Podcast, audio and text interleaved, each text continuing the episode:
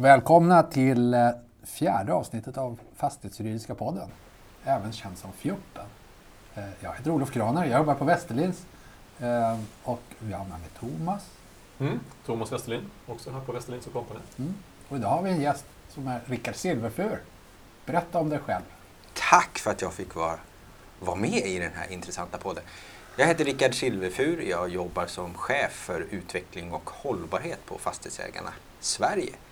Och det innebär att jag i princip jobbar med näringspolitiska frågor och försöka förändra och förbättra framförallt regelsystemet. Mm.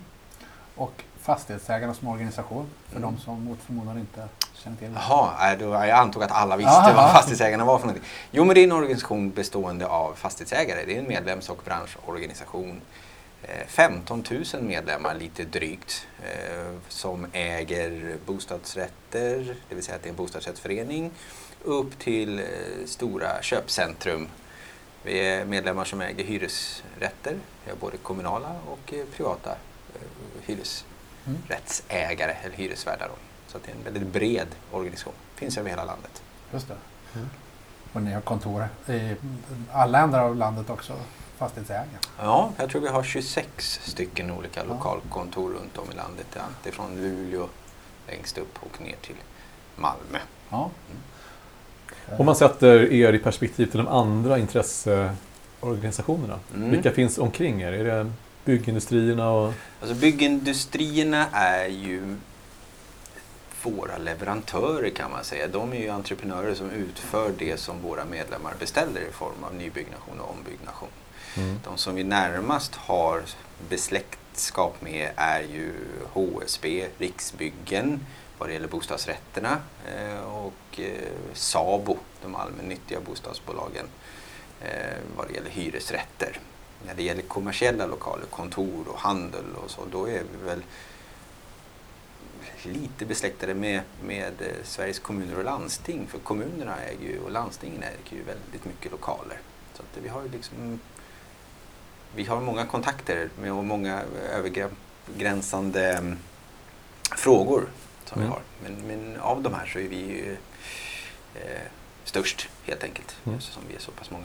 Men det finns en samverkan er emellan på något sätt i, i frågor som har bäring på flera utav grupperna. Då. Jajamän, det skulle jag säga. Mm. Det området där vi kanske har allra störst samverkan är inom hållbarhetsområdet. Just. Just där vi agerar fastighetsägare allihopa. Vi har ju det gemensamt att vi äger en byggnad och fastighet och, och eh, ska försöka eh, jobba så hållbart som möjligt. Mm. Mm. Mm. Vad spännande. Och du då Rickard, du har, du har ju bakgrund från kommunala världen. Lite grann.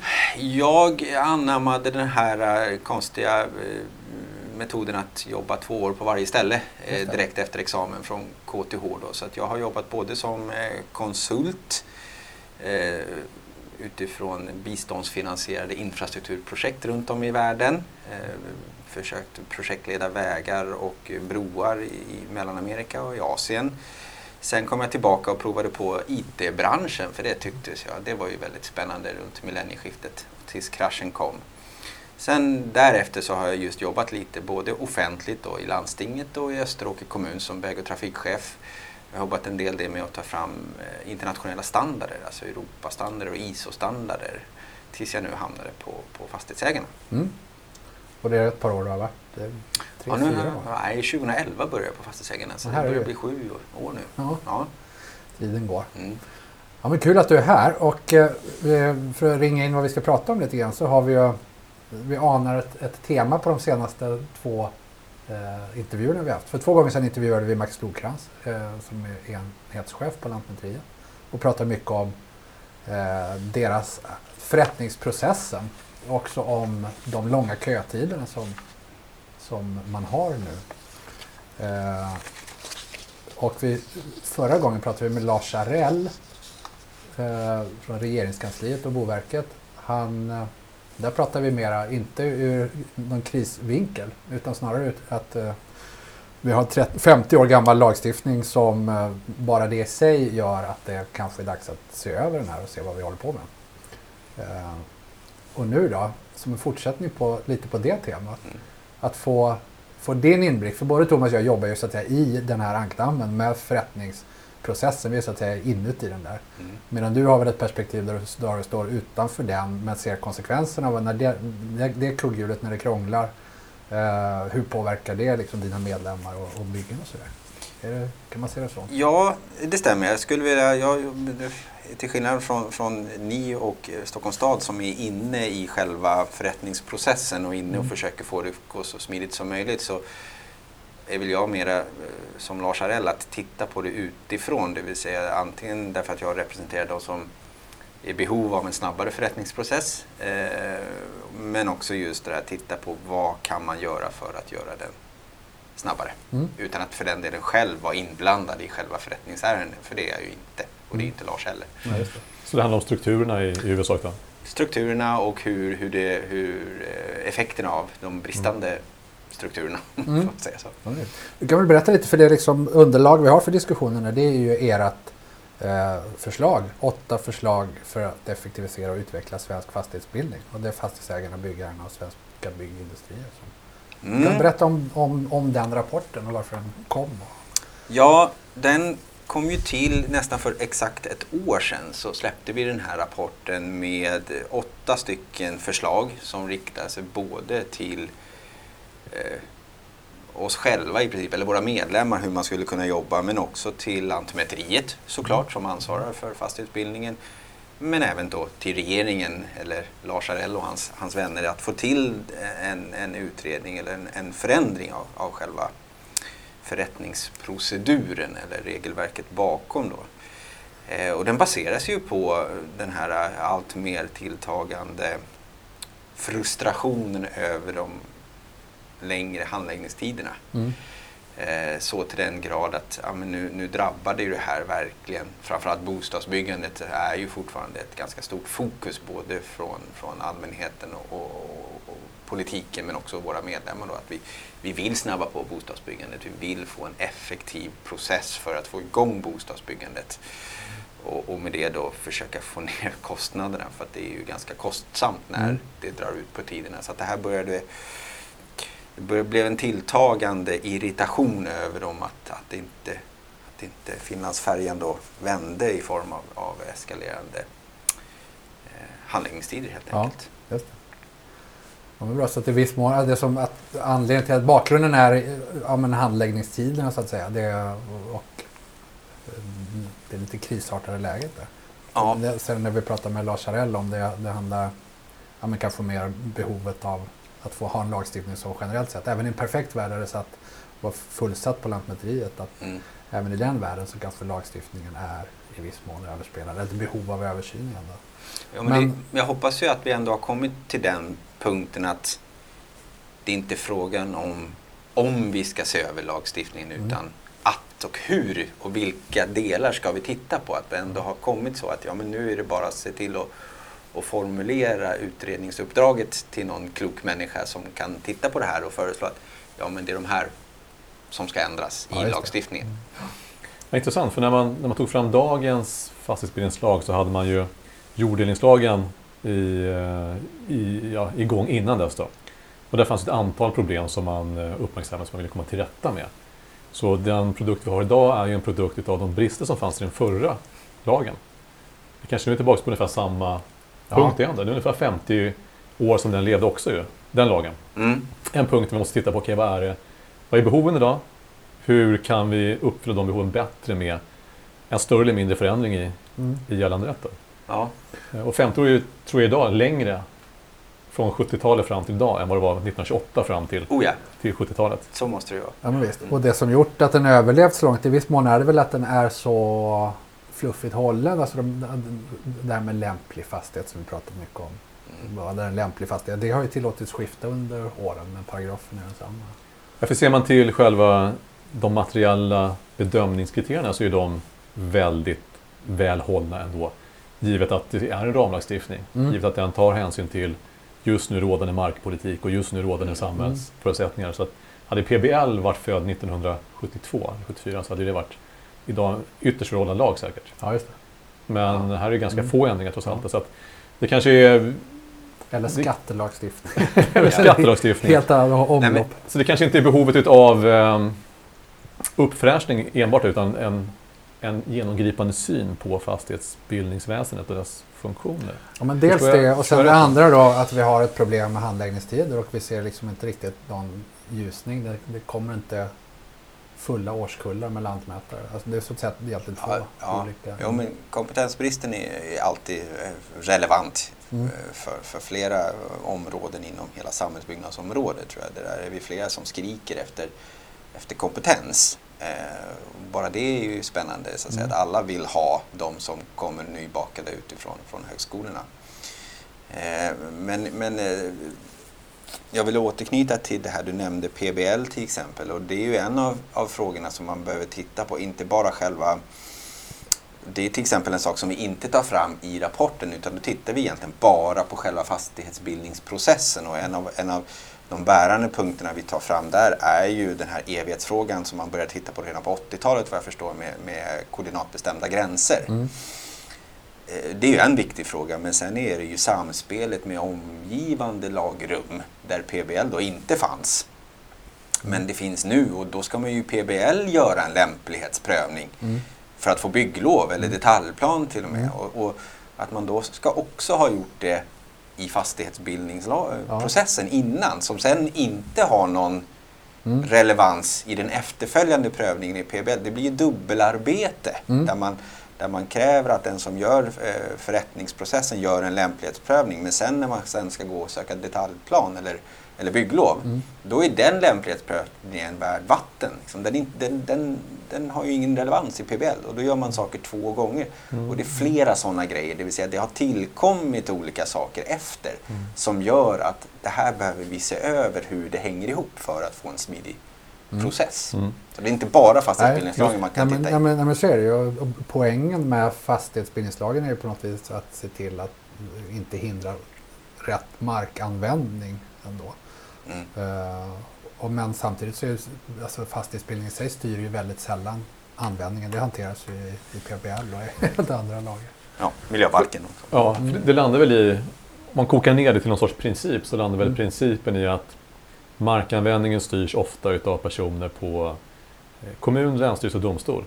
Eh, Det kan vara en vattenverksamhet, det kan vara miljöfarlig verksamhet, det kan vara bygglov.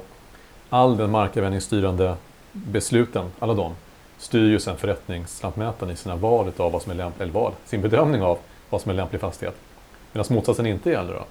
Att en bedömning hos Lantmäterimyndigheten av vad som är lämplig fastighet slår inte igenom vid kommande bygglov, vid kommande Nej. prövning av eh, miljöfarlig verksamhet eh, och så vidare, strandskydd. Mm. Så vi, vi har ju någon sorts läge där en myndighet egentligen är, är sist på bollen och Ja. måste spela utifrån de övrigas ramar. då. Mm. Tillbaks till rapporten. Vi, vi pratar, Mm. Alltså det här gnisslet som du hör från dina, eller irritationen. Ja. Har du något exempel på, eller liksom när, i vilket skede och när det uppträder och i vilka fall det kan bli så kritiskt? För, Ehm, eller vilken mån, vad består problemet i? De är långa handläggningstider. Ja, det är långa handläggningstider som gör att man egentligen inte får spaden i backen. Det är inte mer avancerat än så. Jag vet att när vi, försökt, när vi tog fram rapporten så hade vi ju gärna velat kvantifiera Mm. problemet med långa handläggningstider. Räkna om det i kronor och ören. Mm. Om man tittar på de här utredningarna eller de rapporten och uppdragen som, som den förra regeringen gav till både Lantmäteriet och, och Statskontoret fick ju i uppdrag att titta på de långa handläggningstiderna och komma med just effektiviseringsförslag inom, alltså inte, inte revolutionera fastighetsbildningsprocessen men försöka hitta hur kan ni effektivisera processen så som den ser ut idag. Och då kom de ju några bra förslag. Men man kom ju inte så långt till att kunna beskriva att ja, nu är handläggningstiden uppe över ett år i snitt. Nästa steg, ja vad betyder det då i Mm. form av bostäder som inte blir av eller hur mycket dyrare blir Ja. byggkostnaderna eller byggherrekostnaderna och så där. Det har ju fortfarande inte gjorts vad jag känner till, det vill säga att man har inte kunnat räkna om vad egentligen de här långa handläggningstiderna omsätts i, i dyrare Nej. eller färre bostäder. Nej. Eller så. Det vore ju superintressant att göra det. Ja, det är det- Men samtidigt då väldigt svårt för man tänker som man agerar nu i, att, man, att man väljer andra vägar. För byggaren handlar om risker och sådär. Vi vet som det ser ut nu så är det risk att mitt ärende hos Lantmäteriet tar väldigt lång tid och då måste jag agera kanske på ett annat sätt och så kommer jag lösa det ändå. Ja, det gör ju att det, det är svårt att göra det binärt, räkna ut vad precis Mm. innebär det där. Ja, det är precis. Man, det, det är ju inte... Alternativkostnaderna Nej, är ju väldigt nej. svåra Ja, att, det- att, att ta fram. För att, eh, men, men det utifrån den här allmänna irritationen eller Mm. eh, klagan över att det tar lång tid. Ja. Ja. Och den är ju generell. Jag har inga specifika exempel. Kanske ni har be- Ja, men vilka, bättre det själv. finns ju ett par tydliga situationer. Och kanske det du tänkte. Jag, jag tänkte på att det... Ja, Ja. Hal- halvvägs dit var jag nog. Men det, det är väl dels det här med att det finns ju en tydlig ekonomisk konsekvens av en, en försening. Mm. Uppenbart att vi kan inte, vi, vi har en eh, kanske en belåning, vi har gjort investeringar, vi vill kunna komma till slutprodukten ganska fort. Och det är ju Ja. det är en tydlig ekonomisk Mm. del av det hela. Det som sen är svårt där under, det är när man kommer in på ja, men våran spelplan där det handlar om att sy ihop själva eh, affären, exploateringen rent juridiskt. Mm. Där bygger systemet på att det ska vara ganska korta ledtider för att vår juridik ska vara tillämplig. Till exempel i fråga om ett köpkontrakt så måste man inge köpet inom viss tid. Är det fastighetsbildning inblandad så måste man vara säker på att det kan ske en fastighetsbildning här på, på ett visst sätt. Och återgångsvillkor kan bara gälla upp till två år generellt och så vidare. Så att hela den juridiska spelplanen bygger på att ska maskinen snurra, kugghjulen jacka i varandra, så måste vissa beslut komma i, i sekvens. Eh, och får vi då en, ett system där sekvensen blir för lång, då spricker ju vissa, vissa kugghjul är inte längre tillämpningsbara. Och ju längre tiden går desto fler risker faller in liksom från sidan att något annat ska... Ja, det handlar ju även om genomförandetiden i detaljplan och exploateringsavtal som kan börja bli, om det tar riktigt lång ja, ja, tid verkligen. på något sätt. Och nu finns det ju ett förslag som ligger ute på att man eh, eventuellt vill korta genomförandetiden. Att det finns möjlighet att korta den till så lite som tre år. Mm. Nu är det Mm. 50-15 men, men eh, vill man att eh, man ska kunna ta det ner till tre. Vill du säga någonting om det? Den utredningen har ju, jag vet inte om vi kan... eh, Nej men den är, är ju intressant så tillvida att man kan ju börja med att såga den bara därför att de tillsatte Vänsterpartiets bostadspolitiska talesperson till att utreda inom bostadspolitik. Mm. Objektiviteten är ju inte den bästa då. Eh, och eh, därmed så uttolkas ju hela förtroendet för, eh, eller förtroendet för hela utredningsväsendet. Mm. Eh, menar, vi ska vara stolta över SOU-väsendet. Mm. Och då, då kan man inte göra som man gör och sätta dit en, en, en, en person som, som man gjorde. Varför blev det så? Det kan inte jag svara Nej. på. Eh, man har gjort det inom andra områden vet jag också. Vi är lika kritiska då också. Så att, Mm. säga, att man ska värna objektiviteten och oberoendet i utredningsväsendet. Ehm, så redan där, vi visste ju redan på förhand att det här kanske blir ett förslag som inte kommer att accepteras. Mm. Eh, och det gjordes det ju inte heller. Bostadsministern vägrade ju ta emot utredningsförslaget när det kom. Eh, han ställde in, bara nej, det där tar jag inte. Och det för att utredaren gick ju utanför eh, sitt utredningsdirektiv. Just det här med att korta eh, genomförandetiderna för att realisera byggrätter. Ja, det var utredningsdirektivet. Hon skulle titta på om kommunen skulle få eh, mer verktyg för att eh, mer eller mindre tvinga byggrätter att realiseras. Ja. Eh, och, då, och ett är just att hon vill, eh, förslaget är att korta genomförandetiden och sen också lägga in tidsfrister med hot om eh, vite Mm. i exploateringsavtalet. Det kan man ha synpunkter på. Men sen så gick hon ju väldigt mycket utanför och, och sitt utredningsuppdrag och ville återinföra exploateringsbestämmelserna som, som man avskaffade 2015.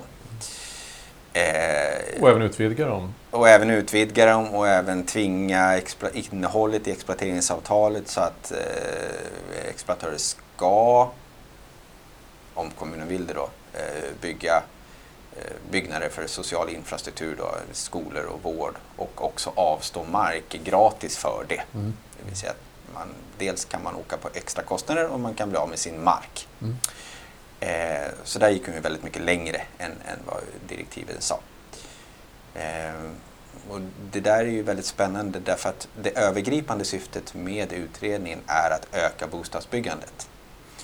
Och om en exploatör, bostadsbyggare, får en ökad risk för ökade kostnader och också en ökad risk att bli av med sin mark, hur det ska öka investeringsviljan hos bostadsbyggare att vilja bygga under de förhållandena. Det har ju utredaren inte alls lyckats påvisa. Nej. Ehm, Ja. Det blir en konstig dynamik tyckte jag i, i utredningen. Eh, för jag tänker den bilden vi har normalt sett av plannyttor. Mm. Det är att planytan tillfaller till fullo exploatören. mm, Och sen kommer den planytan i viss mån urholkas av olika eh, kostnader som kommunen har Mm. för allmänna platser och så vidare. Och den, den här reglaget, hur mycket ska kommunen kunna ta ut av exploatörens vinst? Eller vice versa, hur mycket måste jag dela med mig som exploatör? För att jag har ju fått någonting av kommunen också. Det är en Mm. motprestation där. Det reglagets placering är ju intressant. Det flyttade man ju på 2015 med Mm. förändringen i PBL. Att Mm. Man drog åt lite grann så att kommunen fick lite mindre möjligheter i fråga om att få mark gratis. Jag tycker det är synd att den diskussionen bakades in i den här utredningen mm, där man, i alla fall jag, har väldigt svårt att ta slutsatserna på allvar. Och min största invändning är att när man läser utifrån hur gällande rätt beskrivs så är det en beskrivning som inte jag alls känner igen mig i. nej. Och det du var inne på var ju det här med att, att urholka själva SOU-väsendet. Det är ju annars så tacksam med utredningen för att man har en bra avstamp i vad som är gällande rätt. Men här, här är det ju inte så. Nej, precis. Man, man vill ju att en utredare ska egentligen vara den här grå byråkraten som, som förklarar hur landet ligger, inte hur man politiskt tycker att det borde ligga. Ja. Så att den är så otroligt politiskt färgad den här utredningen och därför svår att ta på allvar. Eh, kommentarer är ju att man flyttade tillbaka reglaget lite åt andra hållet när man införde de här eh, medfinansieringsersättningarna och det ser vi ju kommuner nu som börjar använda det lite mera eh, frikostigt eh, än vad utredaren hade tänkt. Och då är du inne på 640 andra stycket då. Det här med att man kan som kommun vara eh, kräva av en exploatör att den ska medfinansiera Mm. statlig infrastruktur. Ja. Som kommunen i någon mån har medfinansierat själv tidigare. Mm. Så man kan Mm. täcka upp den, Mm. den luckan där. Mm. Katten på råttan, råttan på repet. Och där börjar Ja. man ju använda också som, som eh, har vi fått signaler då, att, att det där börjar också bli som en slags villkor för att påbörja ett detaljplaneärende. Mm. Alltså utpressning från kommunens sida Mm. att ja okej, om vi ens ska ta er detaljplan då, då vill vi att ni går med på det här. Mm.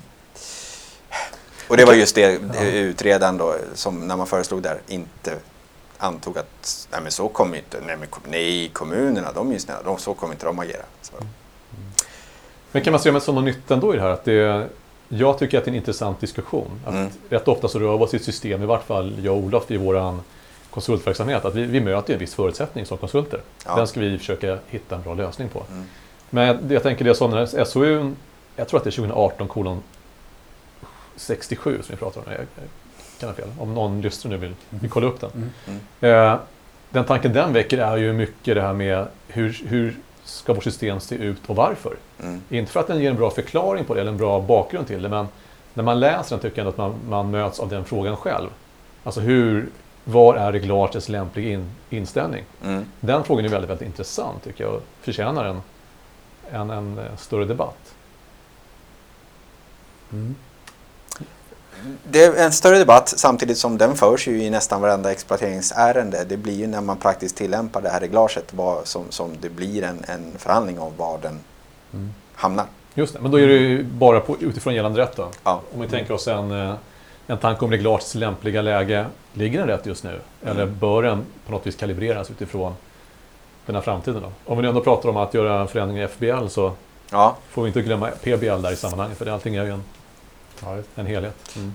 Och reglagets placering, det tydligaste är det skoltomterna nu då. Att en exploatör, kommunerna har problem. Och privatägd mark som ska byggas och så, så behöver det till en, en förskola där. Mm. Kommunerna har ju inte då möjlighet att, att uh, de får köpa den till marknadspris. Då.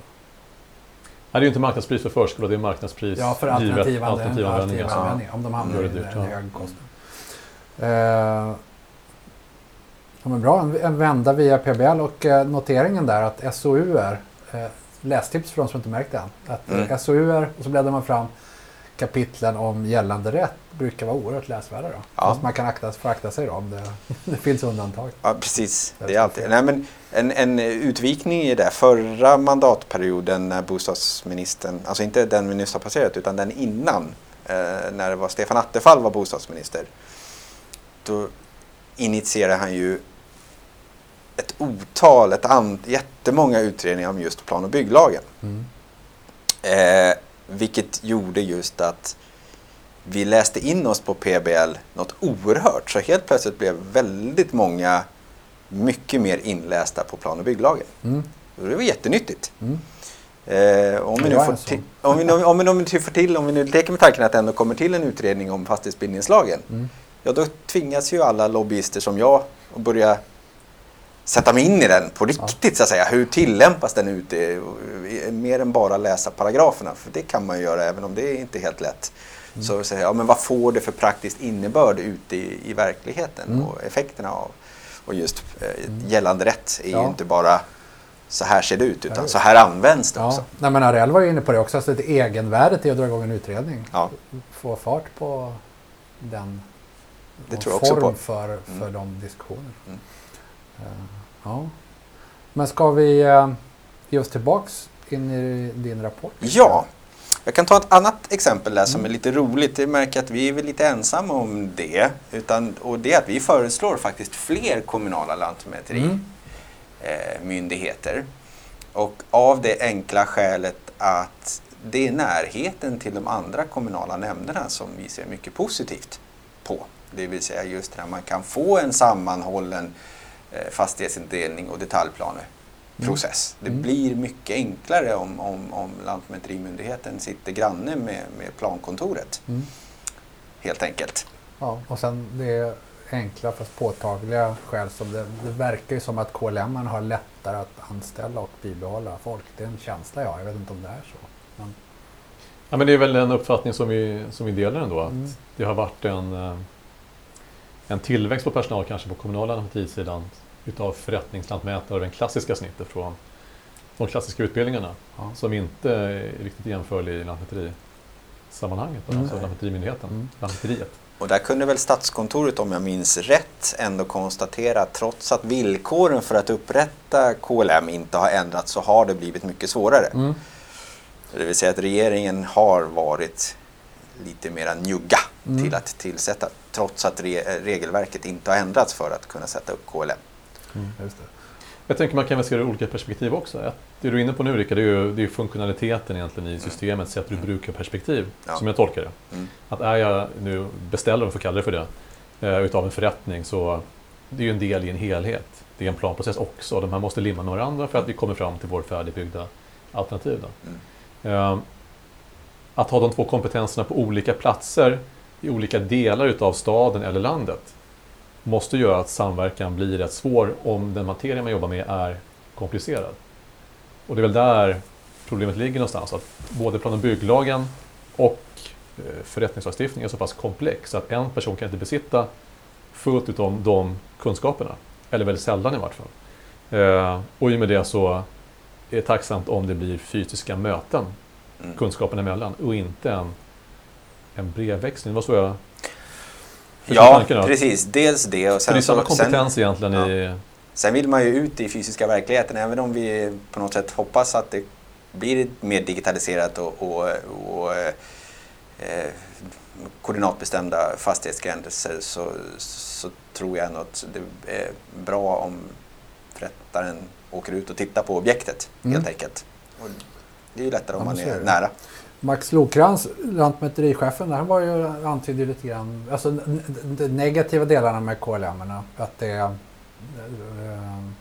han var lite skeptisk, rätt ganska tydligt till. Och, och att ja, men det sitter, de kan bara jobba i sin kommun. Eh, vilket gör att vi använder inte resurserna på ett, på ett bra vis. var är väl ett av argumenten mot KLM. Jag är ju, helt, jag är ju på, på din sida. Jag tycker det borde vara, vara fler. Fördelarna överväger. Det är klart att det finns så att säga, nackdelar med KLM som man också bör kunna hantera. Just Mm. där är en, det, det ser jag inte som något... Det borde inte vara något svårt att kunna hantera. Sen Nej. rent exakt i vilken eh, paragraf eller, eller Ja. förordning man ska peta i det, det tror jag inte är så. Den andra som brukar föras fram är ju eh, att de kanske skulle jobba på olika sätt. Att man skulle få olika bemötande, att det skulle, hanteringen skulle ske på olika sätt Mm. eh, beroende på vilket KLM respektive om man går till, till det stora LM då, att Mm. det skulle ske på ett annorlunda sätt.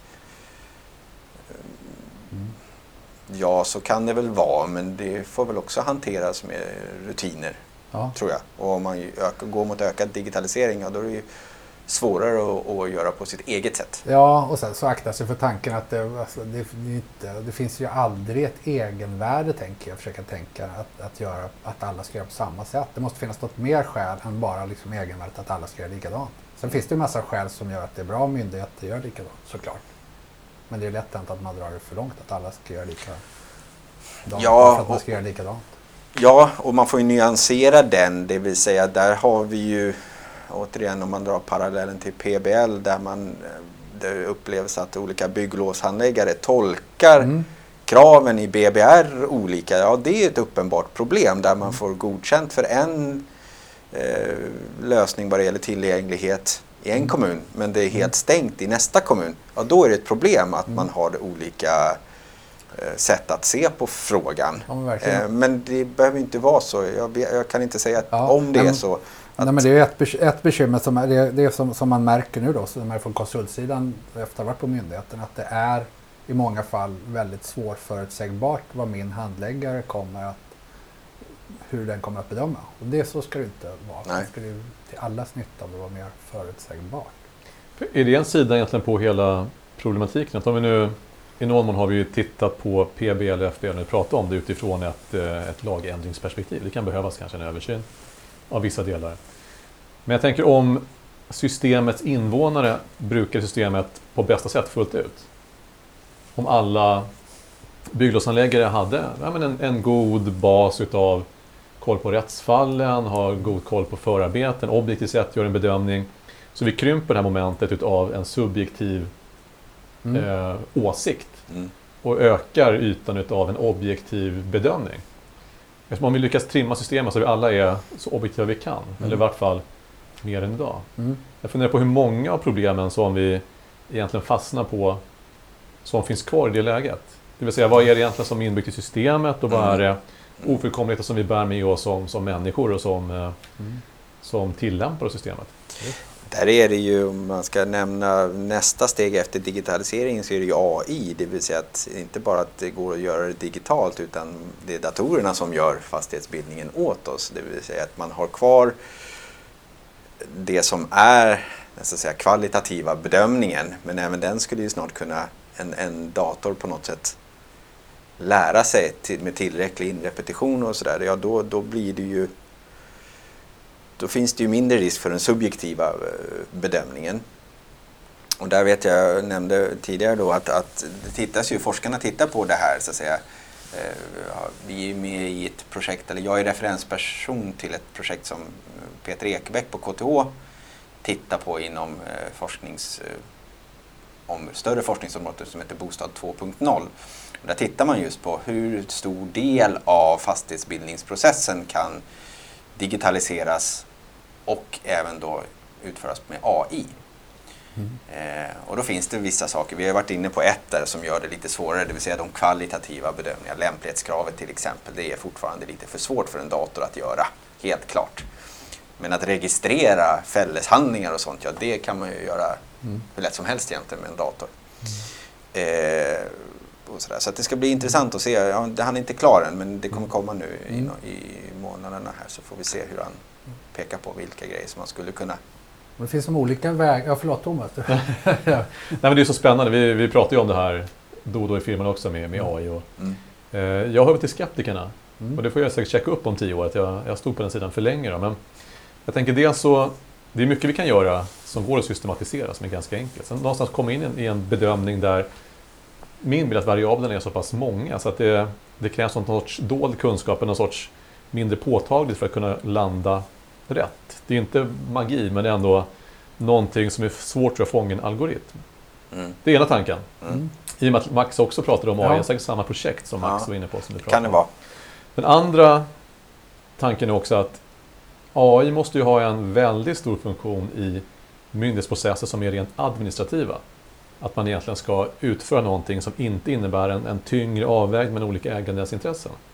Men jag skulle gissa att rätt mycket av det rätt många förrättningar innehåller moment som är av rent judiciell karaktär. Det vill säga att man ska väga en människas intresse mot en annan människas intresse. Och Precis. jag vore ytterst obekväm med om det var en, eh, en PC som avgjorde min relation till grannen där. Mm. Jag ville ha en människa.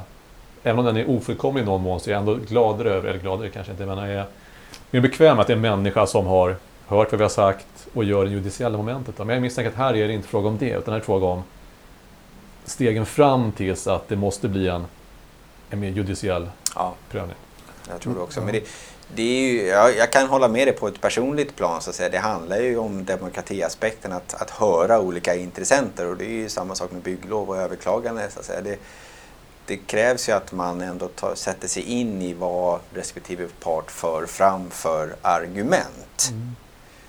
eh, och gör övervägningar från det. Samtidigt är jag väldigt noga med att inte underskatta vad man kan få till med en bra algoritm. Ja. För det, det kan jag inte så att säga. Så att, eh, jag, Ja. jag, jag låter Du- fältet Ja. öppet. Ja. Jag säger varken bu eller bä. Jag tycker det är spännande. Men, Skrämmande tanke om vi här som konsult skulle till slut, vårt jobb är att ta fram den bästa algoritmen för ett positivt besked. Det vore förlängningen på verkligheten. ja, just det. Mm. Tryck här för ett PM.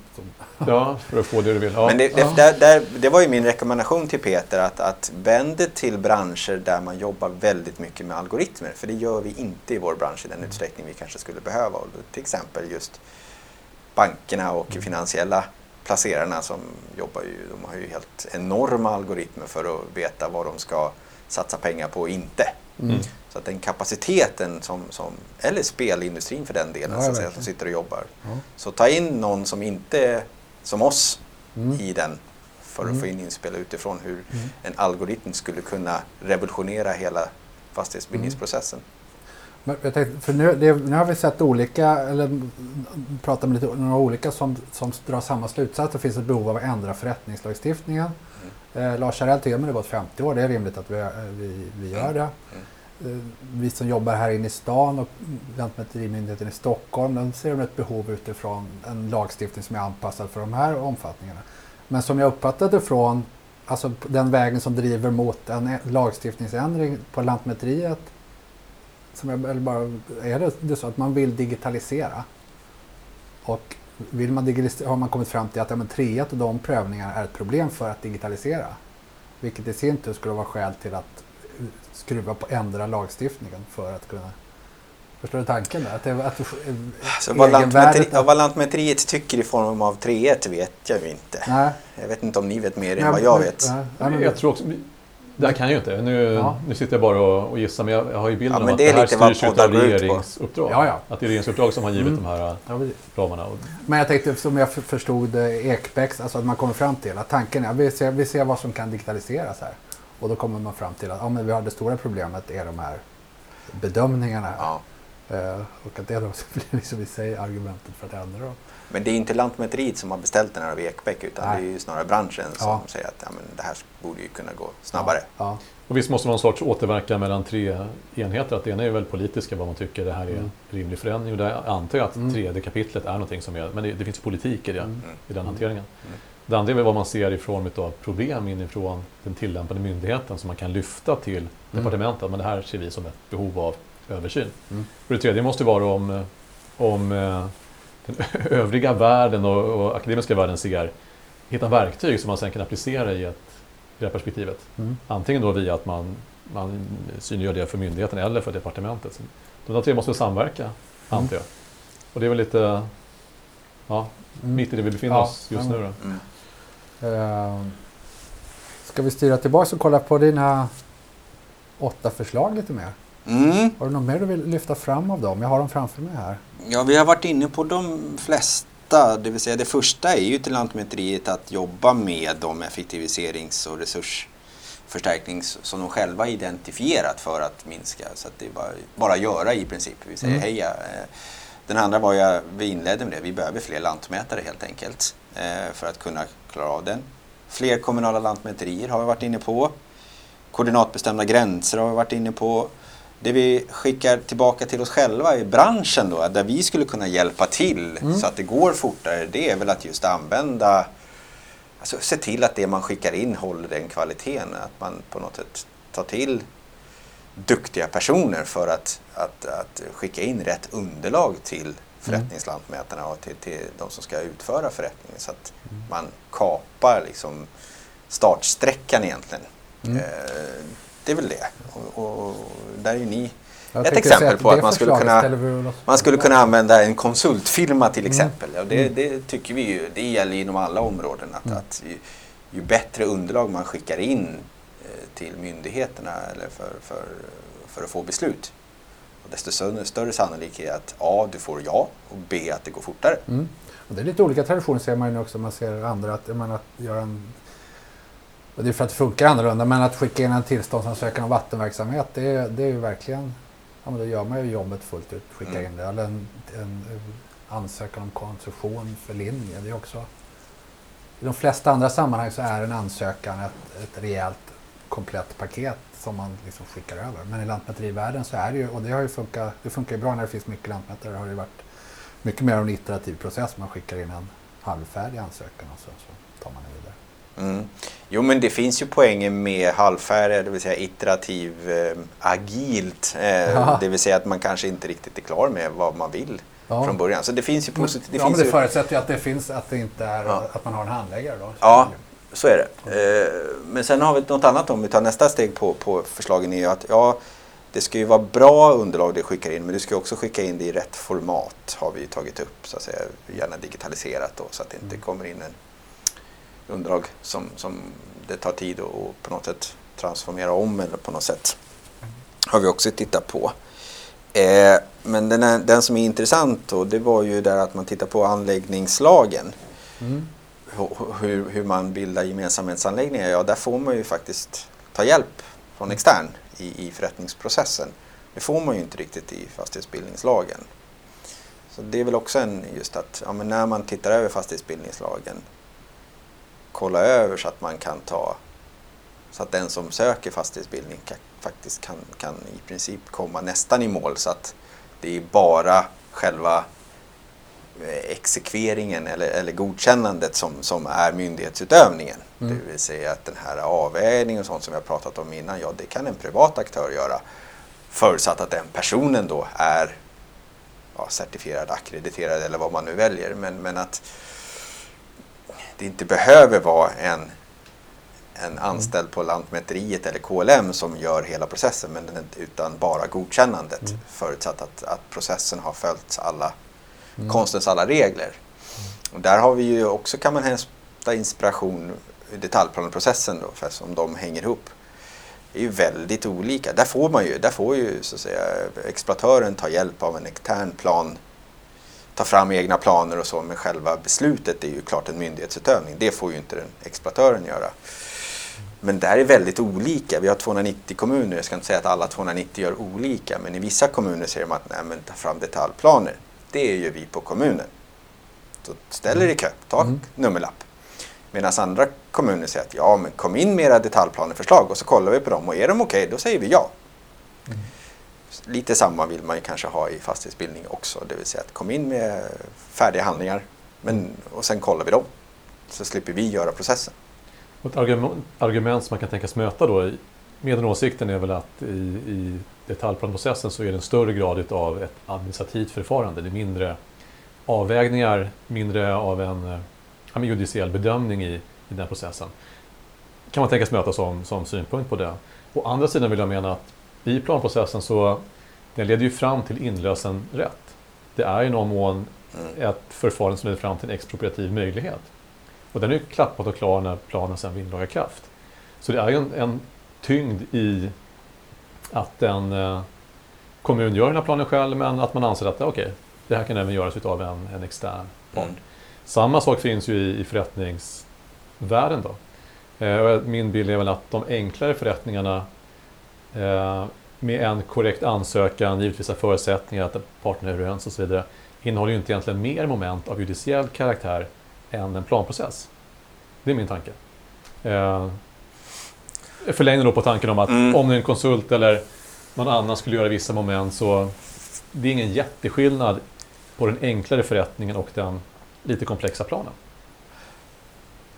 det kan nog stämma. Jag tror, eh, jag har inget, säger inte emot det, men jag tänker att när man, om man ska göra, gå den här riktningen så behöver man göra det samtidigt som man tittar på det här hur 3.1 synkar mot PBL och sådär. Så att det, det, man kan få det här sammanhållet och egentligen i, i enligt samma procedurer på något sätt. Bara det är olika kompetenser men, men processen, det vill säga den sammanhållen fastighetsbildning och detaljplaneprocess som mm. vi på något sätt har skrivit nu på väggen väldigt länge att det här vill vi få till. Mm. Men då krävs det ju att lagrummen samordnas mer än de gör idag. Mm. Och även i väntan på det så skulle ju en väldigt bra ansökan kunna leda ganska långt på den vägen. Inte lika långt men ändå. Eh, det jag tror är far efter är att det finns ett utrymme för att förbättra processen även inom ramen för gällande rätt.